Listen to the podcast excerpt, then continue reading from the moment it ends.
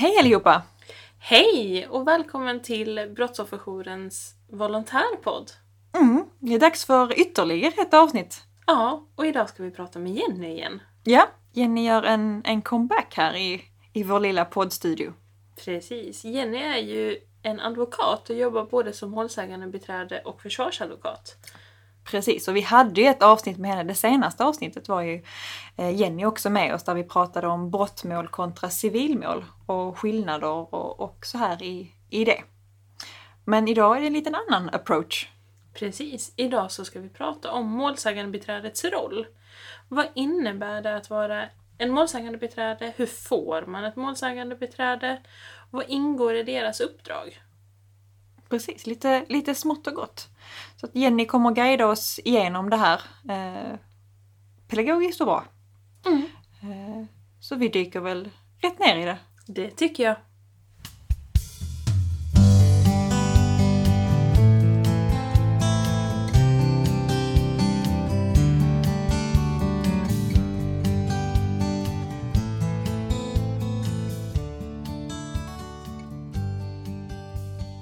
Men då hälsar vi dig välkommen Jenny. Du får gärna presentera dig. Ja, jag heter Jenny Järvell och jag jobbar som advokat. Och nu driver jag egen byrå, men dessförinnan så har jag jobbat både på humanjuridisk advokatbyrå men också affärsjuridisk advokatbyrå. Och skillnaden dem emellan är ju givetvis att man på en humanjuridisk byrå arbetar mer kanske då med ärendetyper knutet till den enskilde, som till exempel brottmål och vårdnadsmål. Medan man på affärsjuridisk byrå arbetar mer med tvistemål. Hur länge har du varit advokat? Nu har jag varit advokat sedan 2017 och dessförinnan så jobbade jag då som biträdande jurist. Vilket man gör i tre år och under den tiden så får man då avlägga prov och man går kurser genom Advokatsamfundet. Så att jag började arbeta redan under studietiden på en advokatbyrå 2012. Och sen har jag bara fortsatt den vägen. Mm. Intressant. Och nu jobbar du både som försvarsadvokat och målsägandebiträde. Det gör jag och jag tar båda de uppdragstyperna när jag jobbar med brottmålen. Och de skiljer sig givetvis eh, åt på, på många sätt men har också ganska många likheter mellan varandra. Och jag tycker att det finns en fördel att kunna åta sig båda uppdragen för att man, så som jag upplever det, får en, liksom en, ett helhetsintryck av processen på ett annat sätt vilket jag upplever gynnar klienten i, i längden. Mm. Mm. Mm. För då om vi börjar som, med ditt uppdrag som målsägandebiträde, vad innebär den rollen? Rollen som sådan har ju en ganska stöttande funktion men i stora drag så handlar det ju mycket om att, precis som i försvararrollen, tillvarata klientens intressen. Målsägandebiträdets roll är ju att ge målsägandet stöd, vägledning, kunna förklara den juridiska processen, det som händer runt omkring förundersökningen, vad som ska komma att hända under en huvudförhandling, vad det innebär att höras som målsägande i tingsrätt till exempel. Eh, kunna förklara domen som sen kommer. Eh, också kunna hjälpa målsägandet under själva utredningsförfarandet att kanske fundera på vilken bevisning som åklagaren kan vara hjälpt av att få in. Förklara för målsägandet hur förhöret kommer att gå till. Att det i vissa fall kan innebära att det spelas in. Varför det spelas in förklara för målsägandet också om det finns ett tvång. Måste jag berätta till exempel? Måste jag medverka? Så att det är ju ett uppdrag som när det väl tar sin början är ganska omfattande och det finns kanske till skillnad från uppdraget som försvarare upplever jag ett lite mer kurativt inslag såklart. Men utgångspunkten är ju ändå att man ska kunna ge klienten en rättslig vägledning hela vägen igenom Mm. processen. Om man då som brottsutsatt vill ha ett målsägandebiträde, ringer man då till dig själv eller hur går man tillväga?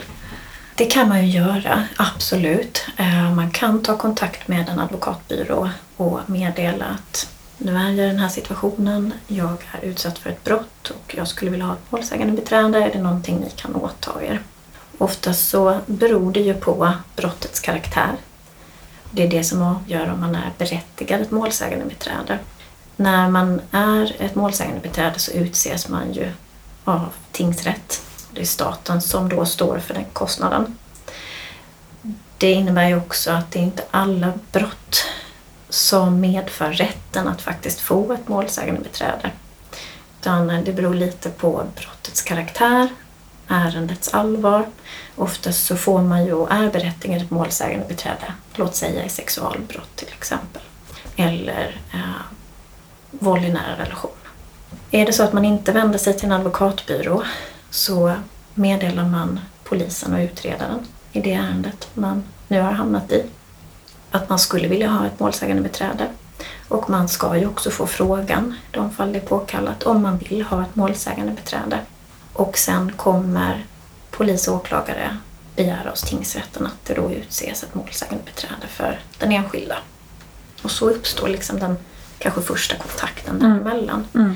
Jag känner att får man inte tillfrågat om man vill ha ett målsägandebiträde så tycker jag att det är bra att tänka på det att man ska inte vara rädd för att ta kontakt med kanske den utredare hos polisen som man har pratat med i ärendet och meddela att jag vill faktiskt ha ett målsägandebiträde. Så får de pröva om man har rätt till det helt enkelt. När under processen kan man få ett målsägandebiträde? Är det liksom en viss, det måste vara i början eller kan det vara precis innan rättegång eller hur? Det kan ju också vara så att det sker senare. Föredömligt är ju om det sker så snart som möjligt i processen. Och återigen, det beror ju också kanske på ärendets karaktär.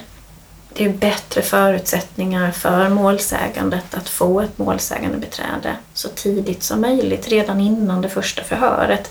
Typiskt sett så är det ofta så det ser ut. Gången rent i praktiken i förhållande till mig är ju alldeles som vanligast vart fall så att det är tingsrätten som tar kontakt med mig som advokat och frågar om jag kan tänka mig att åta mig ett uppdrag som målsägandebiträde. Kan jag det så får jag information skickad till mig från tingsrätten i ett förordnande som förklarar för mig uppgifter om målsäganden, vad det är för rubricering, hur jag kan komma i kontakt med målsäganden och om det är något förhör inplanerat. Och det där kan skilja sig väldigt mycket åt. Ibland kan det ju vara ganska akuta ärenden. Då kanske det är bestämt att man ska hålla ett förhör samma dag eller dagen efter. Och då måste man ju ta höjd för det som advokat när man godtar ett uppdrag så att man har möjlighet att faktiskt närvara vid det förhöret. Föredömligt är ju om man kan komma i kontakt med målsäganden innan förhöret. Och det vill man givetvis för att kunna prata, gå igenom vad ska hända, förbereda målsäganden så mycket som möjligt på förhöret man sen ska närvara vid. Ibland så blir den tiden ganska kort om det är akut. Oftast så brukar man som advokat begära en liten stund innan förhöret med målsäganden så att man kan sitta och prata enskilt. Och sen så får utredaren komma in och hålla förhöret. Förordnandet som, som skickas det innebär också att vi får göra en liten jävskontroll. Det måste vi ju alltid göra som advokater. Säkerställa att vi inte är jäviga. Och det kan ju vara så att man kanske faktiskt har företrätt den misstänkte. Därför kan vi inte företräda målsäganden. Eller omvänt. Mm. Så att den typen av ställningstagande gör vi tidigt när vi får förfrågan om ett målsägandeuppdrag. Det är ju det allra vanligaste sättet, upplever jag själv, att vi får förordnanden genom tingsrätten. Kanske oftare än att målsäganden ringer och säger jag vill ha ett målsägandebiträde, hur ska jag göra? Det här kan ju skilja sig åt såklart säkerligen för många advokater och beroende på situation.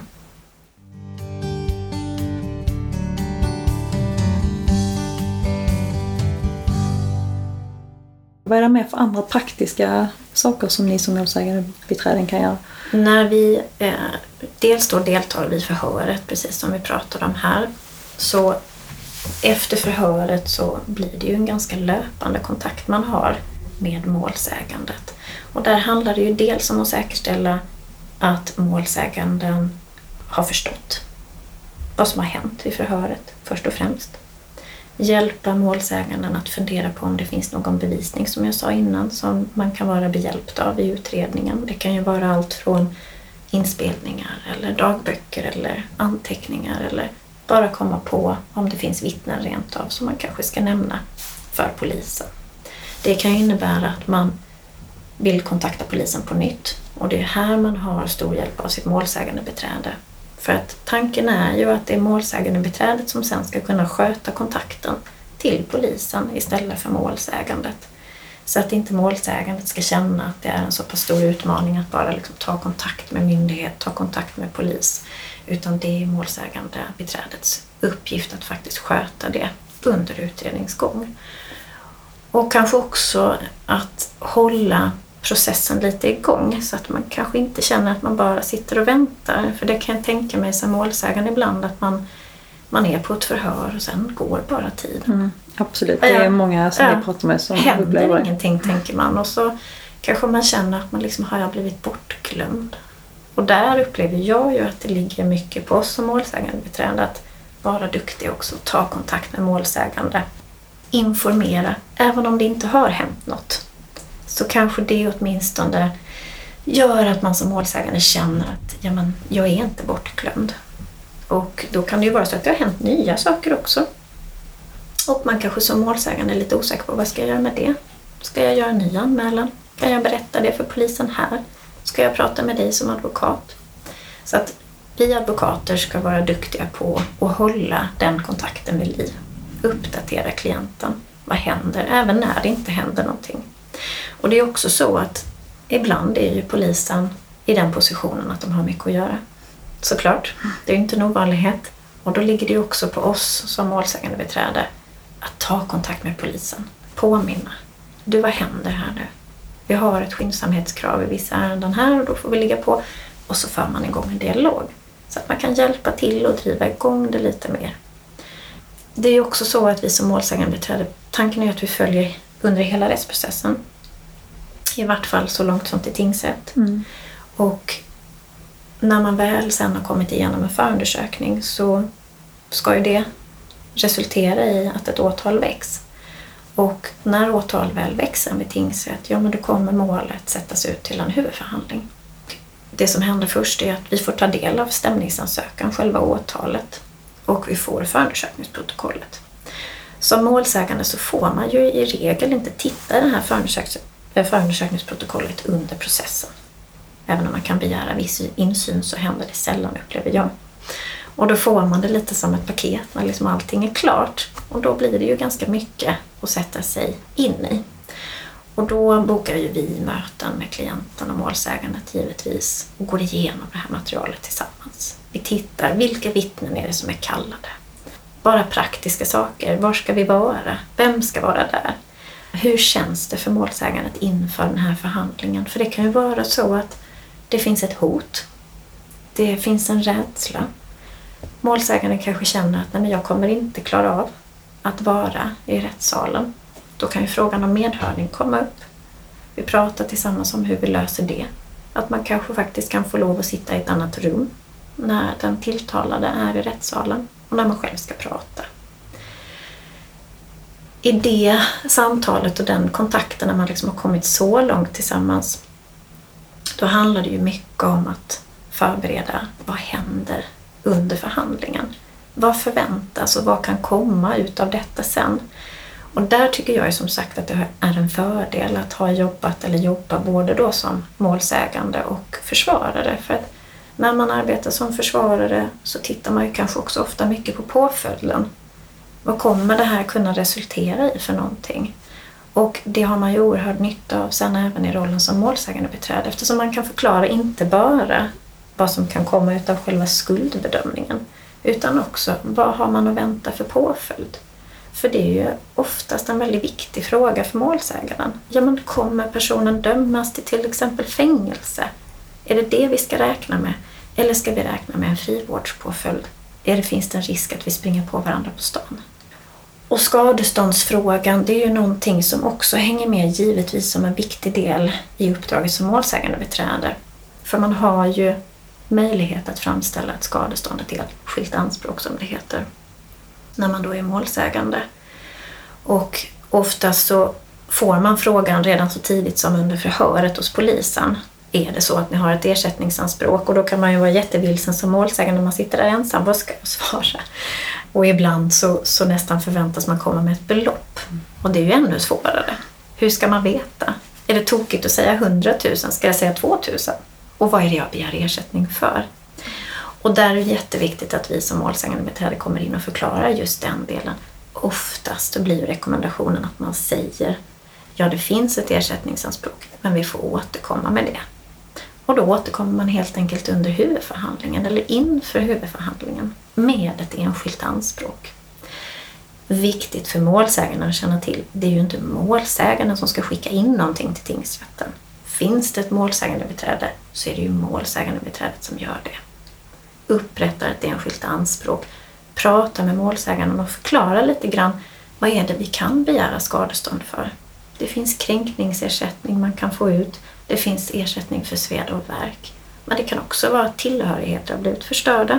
Det kan ju vara att en mobil har trampats på. Det är en sprucken skärm. Man kanske måste ersätta det också. Och då pratar vi som målsägande beträde med våra klienter givetvis om hur det här ska utformas och kan förklara för målsäganden att ja, så här ser praxis ut. Oftast tar vi då hjälp av Brottsoffermyndighetens referatsamling där man tillsammans med domstolar arbetat fram praxis kring generella nivåer för skadeståndets storlek. Sen handlar det givetvis om att man kan alltid argumentera för skadeståndets storlek väl i domstol. För skäligheten ska trots allt bedömas där. Men det kan ju vara bra som ett rättesnöre att använda sig av den här referatsamlingen. Målsägandebiträdet ska skicka in det enskilda anspråket. Det ska göras i tid. Det ligger också på målsägandebiträdet att göra det i tid. Inte samma dag givetvis. Och helst inte dagen innan heller. Och det handlar ju om att det finns en risk annars att försvaret säger vi har inte hunnit titta på det här. Så det tycker vi ska avskiljas. Och då handläggs det som ett separat tvistemål. Risken är då att det inte blir så mycket av det där skadeståndet. Så det är jätteviktigt att man som målsägandebiträde driver den frågan framåt. Så att där tycker jag ju att målsägandet är och ska vara väldigt mycket hjälpt av sitt målsägande beträde. För den frågan är ju jätteklurig. Verkligen.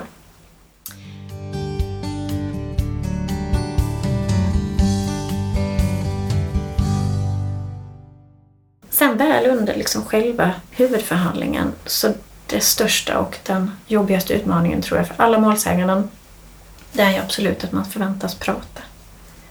Man ska vara, först ska man sitta i kanske då en rättssal som inte alltid är jättestor och i den så sitter en person som man menar har utsatt en för brott ofta då. Det kan ju också vara åhörare där.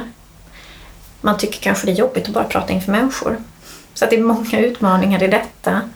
Och där är det ju målsägande beträdets uppgift också att förbereda. Och så är det lite grann under hela uppdraget, att förbereda klienten. Vad är det som ska hända? Vad finns det för förväntningar? Om du säger så, vad kan du förvänta dig av det? Och så vidare.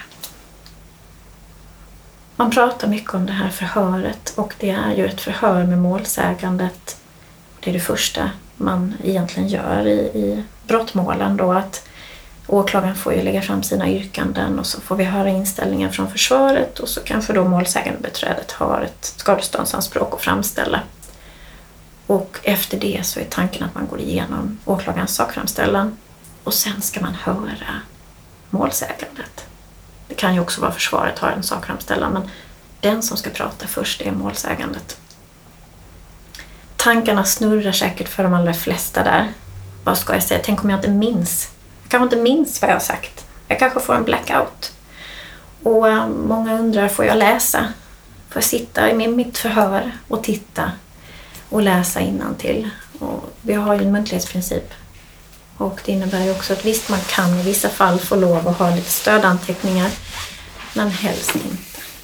Det handlar ju också om en trovärdighetsfråga. Jag ska kunna berätta fritt om det som har varit. Och som en liten tröst så är det ju ofta så att vi kommer faktiskt ihåg mer än vad vi tror. Det är ju så. Man får ett stresspåslag, absolut, helt naturligt. Men det vi har upplevt, det har vi upplevt. Och det är svårt att radera. Det kan vara så att det avviker, att man minns inte riktigt detaljer och då får man hjälp av åklagaren som leder den på rätt spår. Får ställa frågor. Målsägandebiträde, på samma sätt får ställa frågor för att stötta.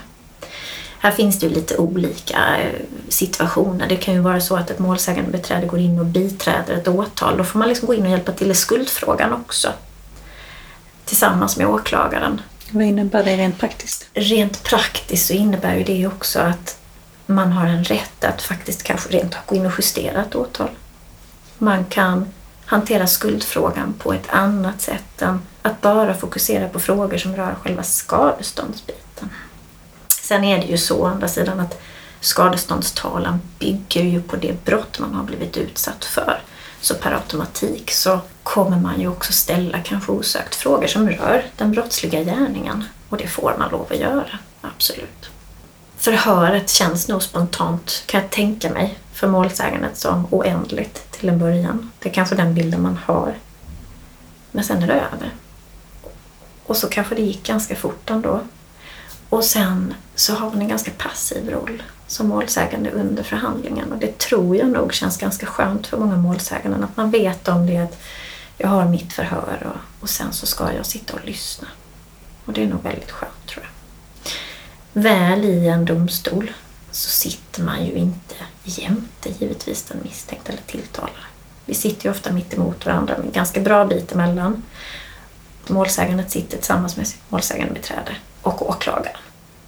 När man väl sen har genomfört huvudförhandlingen så i de allra flesta fall, det händer ju att man faktiskt får en dom redan samma dag. I kanske mindre komplexa mål så överlägger tingsrätten direkt och man får ett beslut, kanske bara en halvtimme senare. Och den antecknas, det antecknas sen i en dom som givetvis skickas ut. Då, då går ju målsägandebiträdet igenom den givetvis med målsägandet, ska göra det. Förklara egentligen, vad innebär alla delar? Och eh, efter det, är man missnöjd, så finns det ju en möjlighet att överklaga. Man har ju i hovrätten nu, sedan en tid tillbaka, ändrat möjligheten för målsäganden att ha ett målsägande beträde. Nu är det här nog uppe på lite diskussion igen om det faktiskt ska få lov att fortsätta vara på detta sättet eller inte, vilket jag själv tycker personligen är jättebra. Mm. Jag eh, upplever ju att, att det är minst lika viktigt för målsäganden att kunna få ha sitt målsägande beträde närvarande i hovrättsprocessen. För att annars är nog risken att man inte faktiskt alls förstår vad som händer där. För att man har ingen, och det ska jag säga, och det, det är ju inte heller åklagarens roll, men åklagaren har ju ingen direktkontakt med målsägandet på det sättet. Och där har vi ju målsägandebiträdet vars funktion faktiskt är att vara den länken också. Att kunna förklara för målsäganden, vad händer? Vad förväntas? Och även om målsägandet som regel inte alls närvarar i hovrätten. Nu har vi ju den principen och möjligheten att vi spelar in förhören i tingsrätt och då spelas det bara upp sen i hovrätten. Så att då behöver inte målsägandet längre närvara under en hovrättsförhandling. Men likväl så är det ju så att säga en överprövning av det som varit i tingsrätten och där kan det ju också bli en ändring i skadeståndsfrågan. Oftast kan det ju vara så att kanske då den tilltalade som dömts är missnöjd och överklagar och då överklagar man inte bara skuldfrågan utan då överklagar man ju även skadeståndet och kanske tycker att det på olika sätt antingen ska inte dömas ut alls eller att det ska sättas ner. Och då är det ju jätteviktigt att målsägandebiträdet kan företräda målsägandet. Så att inte det faller på åklagaren som kanske inte alls är insatt i just skadeståndsfrågan eftersom åklagaren inte heller har varit i tingsrätten. Ehm, så att jag hoppas det blir en ändring. I nuläget är det ju så att man kan ju överklaga och i sitt överklagande kan man ju då begära att man faktiskt fortsatt vill ha ett målsägande beträde. Då får hovrätten fatta ett beslut om det.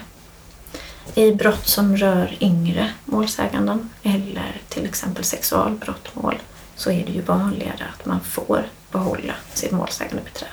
Men det sker en prövning. Mm. Och sen när, låt säga oavsett om det är, är i tingsrätt eller hovrätt dom meddelas. Mm. När tar ert uppdrag sen slut? Ja, och den där är ju också lite svår för att rent krasst upphör det ju faktiskt där med domen sen. Man går igenom domen tillsammans.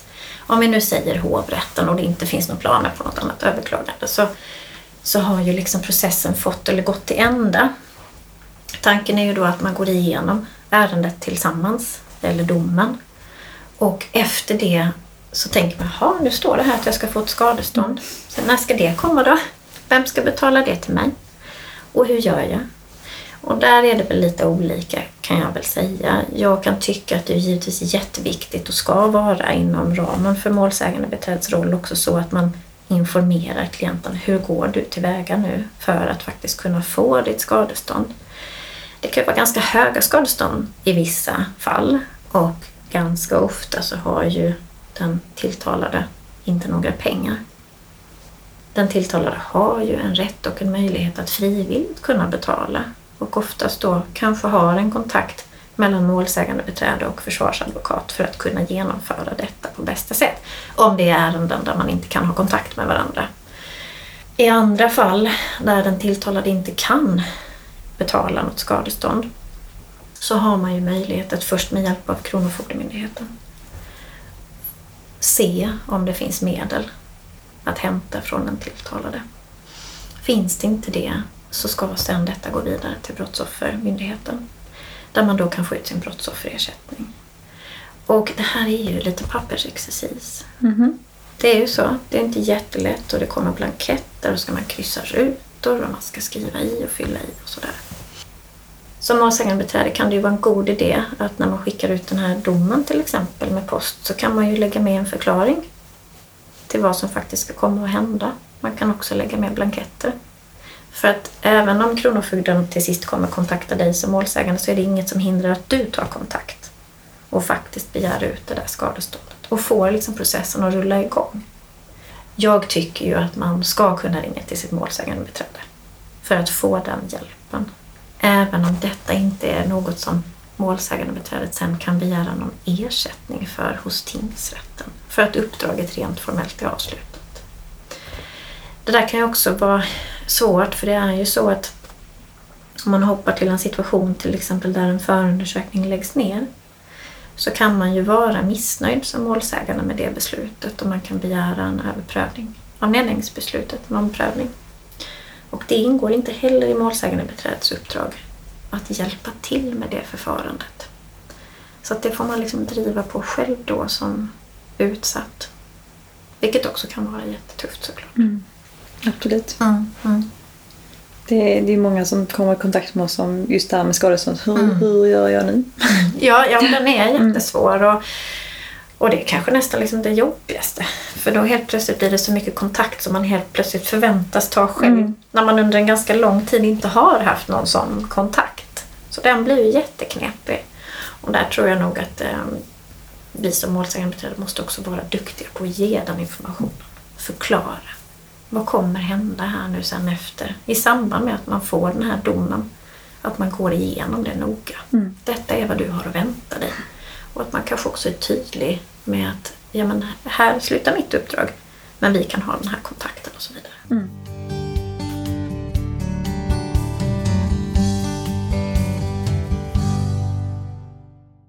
Vad är det som du upplever som ja, men den största missuppfattningen när det gäller målsägandebiträdets roll? Alltså vad är, vad är det som liksom inte ingår i ditt uppdrag men som många förväntar sig?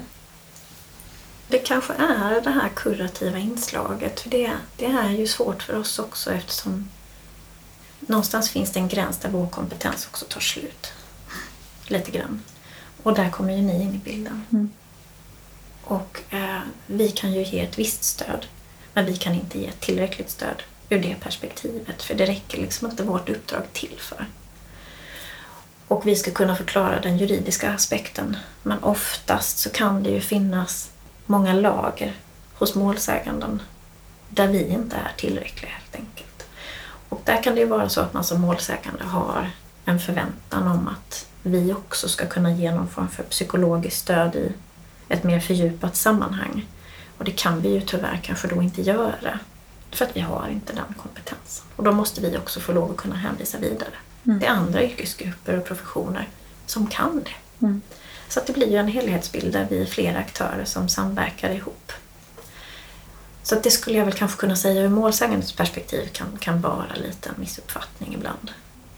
Det här kurativa som du säger, jag tänker det kan också skilja mellan målsägandebiträde och målsägandebiträde. Hur mycket inslag Absolut, det ja är det, det Mm. tror jag. Och det är ju vi är ju alla människor och vi är alla olika. Det finns alla sorters advokater som jobbar på alla möjliga sätt, så är det ju. Och, eh, och det beror väl lite på från advokat till advokat och också vilken klientrelation man får. För det skiljer sig också givetvis åt. Och där tror jag att vi jobbar säkert mycket olika. Även fast vårt uppdrag ser likadant ut på pappret så kanske det finns målsäganden beträde som jobbar mer åt det kurativa hållet än vad andra gör. Och det där kan ju vara jättesvårt att hitta en balans. Är det så att man som målsägande känner att det är någonting man inte får förklarat för sig, att man inte upplever att det finns den kontakten man kanske faktiskt förväntade sig att få och som faktiskt är en rimlig förväntan, så kan man ju såklart begära att byta målsägande beträde. Men man ska vara medveten om att det får tingsrätten i så fall pröva om det finns skäl för. Mm. Givetvis. Så är det ju. Det är inte bara att byta. Nej, det är inte bara att byta och jag tycker att det är ju ett samarbete. Om vi kokar ner det till det så, så måste man ju också få lov att kunna säga åt sin advokat att du, jag, jag förstår inte riktigt det här. Du måste nog hjälpa mig lite mer här. Så att advokaten inser det faktiskt. Mm. Det är inte säkert att man gör det. Man kanske har gjort på det sättet innan och funkat jättebra med just den klienten. Men varje person är ju unik och det måste man ju också ta höjd för i uppdraget. Mm. Så är det ju. Hur tänker du? Tänker vi, vi är lite inne det här med, med vårt uppdrag, ert uppdrag, Mm. det kurativa. Hur tänker du att uppdragen, alltså stödperson och vittnesstöd på brottsofferjouren och då din roll som målsägandebiträde, hur kan de komplettera varandra?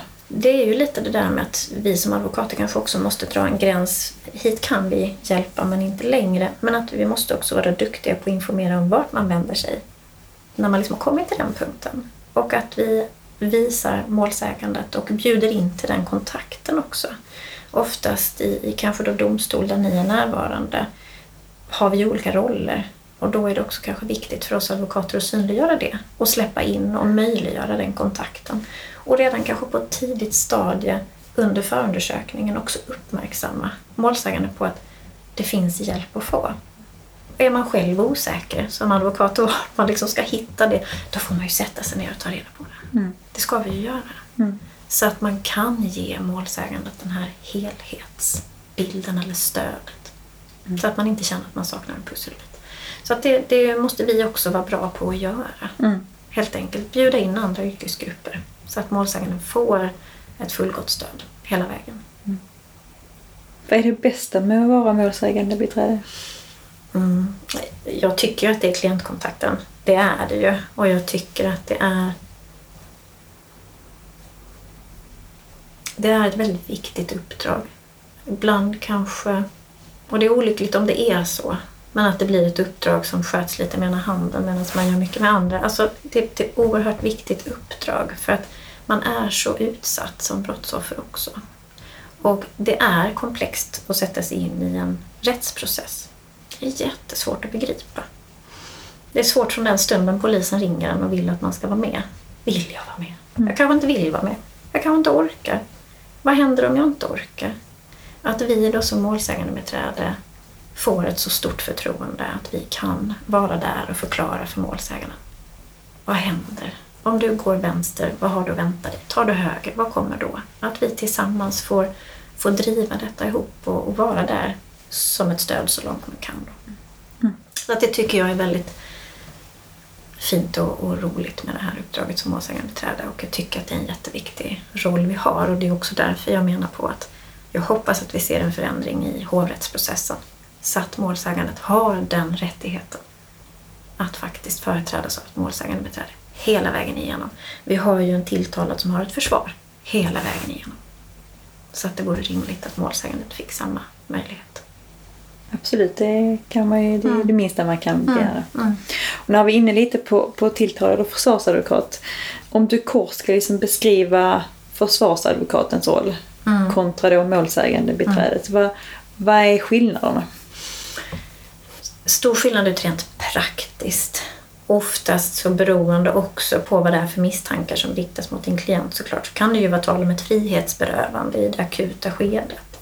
Det kan ju vara att man blir först gripen och sen anhållen och så ska man sitta och vänta någonstans och man förstår kanske inte alls vad som händer. Efter det så, så får man till och med kanske veta att nej men du åklagaren tycker faktiskt att du ska stanna kvar här. Du ska frihetsberövas. Vi kommer att hålla en häktningsförhandling. Och där sitter ju den tilltalade ganska mycket i vakuum. Man är ju väldigt utelämnad på den sidan när man är misstänkt för ett brott. Det kan ju vara så att man är misstänkt och menar att jag är inte skyldig till det här. Jag ska inte hållas ansvarig för det här. Det finns inte skäl att ha mig frihetsberövad. Men sen är misstanken så pass allvarlig att det är ganska mycket lättare nu att, att faktiskt begära en person häktad än vad det var för en tid sedan. Sen upplever jag kanske själv att processen rent generellt när man arbetar som försvarare är något mer intensiv. Man involveras på ett annat sätt i förundersökningen. Man kan ta del av processmaterialet på ett annat sätt än vad jag upplever att man kan som målsägande. Så det skulle jag nog säga är en viss skillnad ändå, intensiteten under processen. Sen är det ju andra moment som försvarare, just det här med påföljdsfrågor. Vad är det du har att vänta om du nu skulle dömas?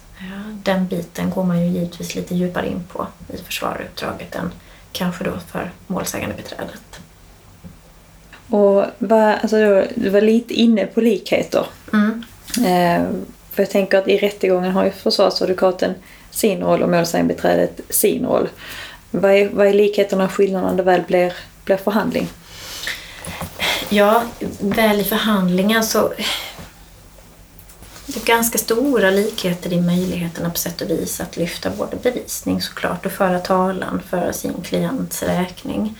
Försvaret kanske förväntas ha en mer aktiv roll, lite jämställt med åklagaren, ehm, än du som målsägande beträde har eftersom man oftast bara fokuserar då på själva skadeståndstalan. Jag kan väl säga det att processen som sådan att faktiskt få ett försvar utsett för sig påminner ju till stor del om hur det går till när du får ett målsägande beträde. Att som i de allra flesta fall så är det ju en domstol, en tingsrätt som ringer till advokatbyrån och frågar om man är villig att åta sig ett uppdrag som försvarare Säger man då ja utifrån eventuella frister och eh, kontrollerat jäv så får du ju precis som egentligen vid målsägandeuppdraget den första kontaktinformationen till din klient. Du får veta om personen kanske redan är frihetsberövad, sitter anhållen, du ska bara komma ner till en arrest, träffa din klient där och det ska hållas förhör kanske bara kort därefter. Man har ju andra frister att förhålla sig till då och det är mer skyndsamhetskrav. Och under den processen så kommer man ju sen fram till en huvudförhandling men det är ju mycket arbete kanske i förhållande till klienten när det kommer till bevisning på ett annat sätt. För målsägandets del, där är det ju ändå åklagarens åtal som ligger till grund för skadeståndstalan. Så att där finns ju redan den allra största bevisningen som man själv kommer använda sig av. För den tilltalade så kan det ju finnas all idé att för egen del åberopa bevisning. Och jobba mer aktivt med det. Försöka visa, om det nu är att man menar att man inte har gjort sig skyldig till det här brottet som man ställs inför rätta kring. Att själv föra sin talan aktivt. Vad vill jag åberopa för bevisning? Och då jobbar man ju också mer intensivt som försvarare med det. Väl sen i huvudförhandlingen så kan ju både målsägandebiträdet och försvaret vara delaktiga genom att ställa frågor både till sin egen klient men också till andra vittnen till exempel. Eller då i rollen som försvarare till målsägandet och i rollen som målsägandebiträde till den tilltalade. Jo, för det är ju samma, det är samma jurist. Mm. Som du säger, du kan mm. ta i båda. Ja, det blir ju så. Man, man har ju liksom olika roller. Mm. Uh, men det är ju inom ramen för samma process. Och uh, jag ser ju som du sa innan, där en fördel med det. Mm tror att, eller jag upplever själv att man får ett annat helhetsperspektiv. Mm. Att man kan eh, se kanske då när man sitter på sida som målsägande beträde att jaha okej, men nu ställer försvaret den frågan. Då förstår jag vad man är ute efter mm. och då kan jag kontra med en annan fråga mm. för att kanske balansera upp. Mm. mm. Och jag upplever ju själv att det är just sådana saker som gör att man har möjlighet att ge sin klient bättre förutsättningar i processen helt enkelt mer kompetens. Mm. Man, man, ser, man ser båda sidorna.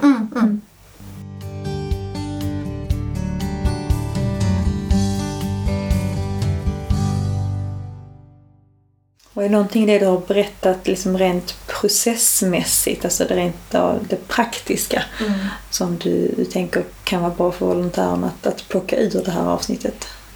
kan nog vara bra att tänka lite på hur, eh, hur liksom den första initiala kontakten uppstår mellan målsägandebiträdet och målsäganden. Och det här med att målsäganden ska kanske få informationen från flera håll att begära ett målsägandebiträde. Säg ifrån. Du behöver hjälp och du behöver stöd. Och att eh, man kan gott och väl om en målsägande kontaktar er och känner att nej, jag får inte kontakt med mitt målsägandebiträde och advokat. Nej, men ring. Tveka inte. Här har du kontaktuppgifter. Så att man inte känner där att man blir utanför eller att tiden bara tickar till exempel. Mm. Um, så det tycker jag är viktigt att, att kanske bära med sig också. Och uh, jag vet att det finns utmaningar kanske framförallt rent praktiskt när man är i tingsrätt och man ska komma och presentera sig och, och söka den kontakten. Och det är ni jätteduktiga på och där tänker jag på att det är bra att ta med sig att uh, det är jätteviktigt att, att ni tar kontakten. Uh, absolut. Mm.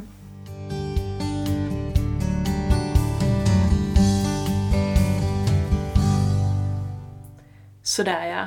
Det var ytterligare ett avsnitt. Ja. Det går, går fort när man har roligt. Eh, jag tyckte det här också var intressant.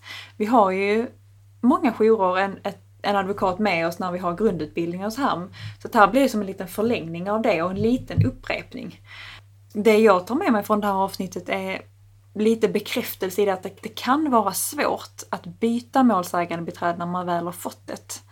Eh, och att det, man ska ansöka hos tingsrätten och Jenny, som Jenny sa, att man gärna ska prata med sin advokat innan så att man vet vad det är det felar. Eh, så kanske man kan reda ut att man behöver inte byta målsägande beträde.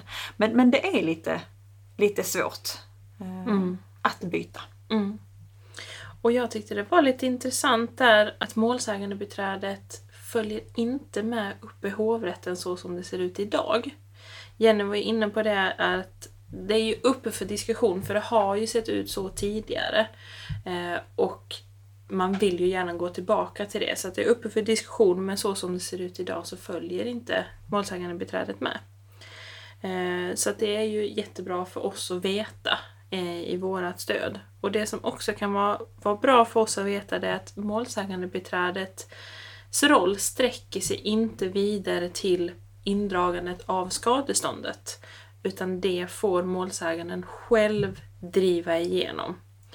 Eh, så att där fyller ju vi en väldigt viktig roll, framförallt i stödverksamheten. Att finnas med, förklara hur det går till, vilka blanketter som ska fyllas i och vara med som ett stöd genom det här indrivandet. Mm. Precis, och det är oerhört viktigt att vittnesstöden informerar på tingsrätten att här kan du vända dig för att få hjälp om det är så att du blir tilldömd skadestånd. Ring till det här telefonnumret för där kan du få guidning i vilka steg du ska ta. Mm och det är inte lätt att veta. Så att eh, ja och det avslutningsvis kanske vi också kan säga att det ser ju väldigt olika ut som Jenny var inne på, det här med vad advokaten gör av sitt uppdrag. Alltså det, de har liksom det här ska du göra men sen kan man ju tolka det på olika sätt. Eh, just gällande med skadeståndet att Jenny liksom, ja, att man kan ju tycka att det kanske man borde informera om som målsägarbiträde men att alla gör inte det. Så det kan ju se väldigt olika ut hur de olika advokaterna jobbar. Och det är ju värt att ha med i bakhuvudet tänker jag, i mm. kontakten. Mm. Det intressanta är som Jenny sa, vi pratar om om målsägande biträdesrollen och försvarsadvokatsrollen. Att jag kan ju personligen känna att det, jag har svårt att se hur, hur kan du representera båda två. Men då som Jenny sa att då kan man ju få ett helhets, liksom, ett, en helhetsgrepp om allting, ett, ett helhets, eh, en helhetsuppfattning. För att man kan höra liksom, okej okay, nu ställer försvarsadvokaten den frågan. Mm -hmm, okej okay, då tänker han eller hon så, då kan jag möta det. Så att man får liksom, jag tror egentligen att det blir bättre för klienterna. Även om man kan tycka att ja, men du försvarar i ena rättegången och målsägandebiträde i andra. Mm. Hur, hur håller du skillnad på det? Eh, men eh, det låter som att det kan gynna klienten. Verkligen. Mm. Eh, för kunskap är ju makt. Yes. Mm, absolut, så är det. Och nu har vi fått lite mer kunskap så nu kanske vi har ännu lite mer att kunna, kunna jobba med. Verkligen. Så att vi vill tacka er alla som har lyssnat på det här avsnittet.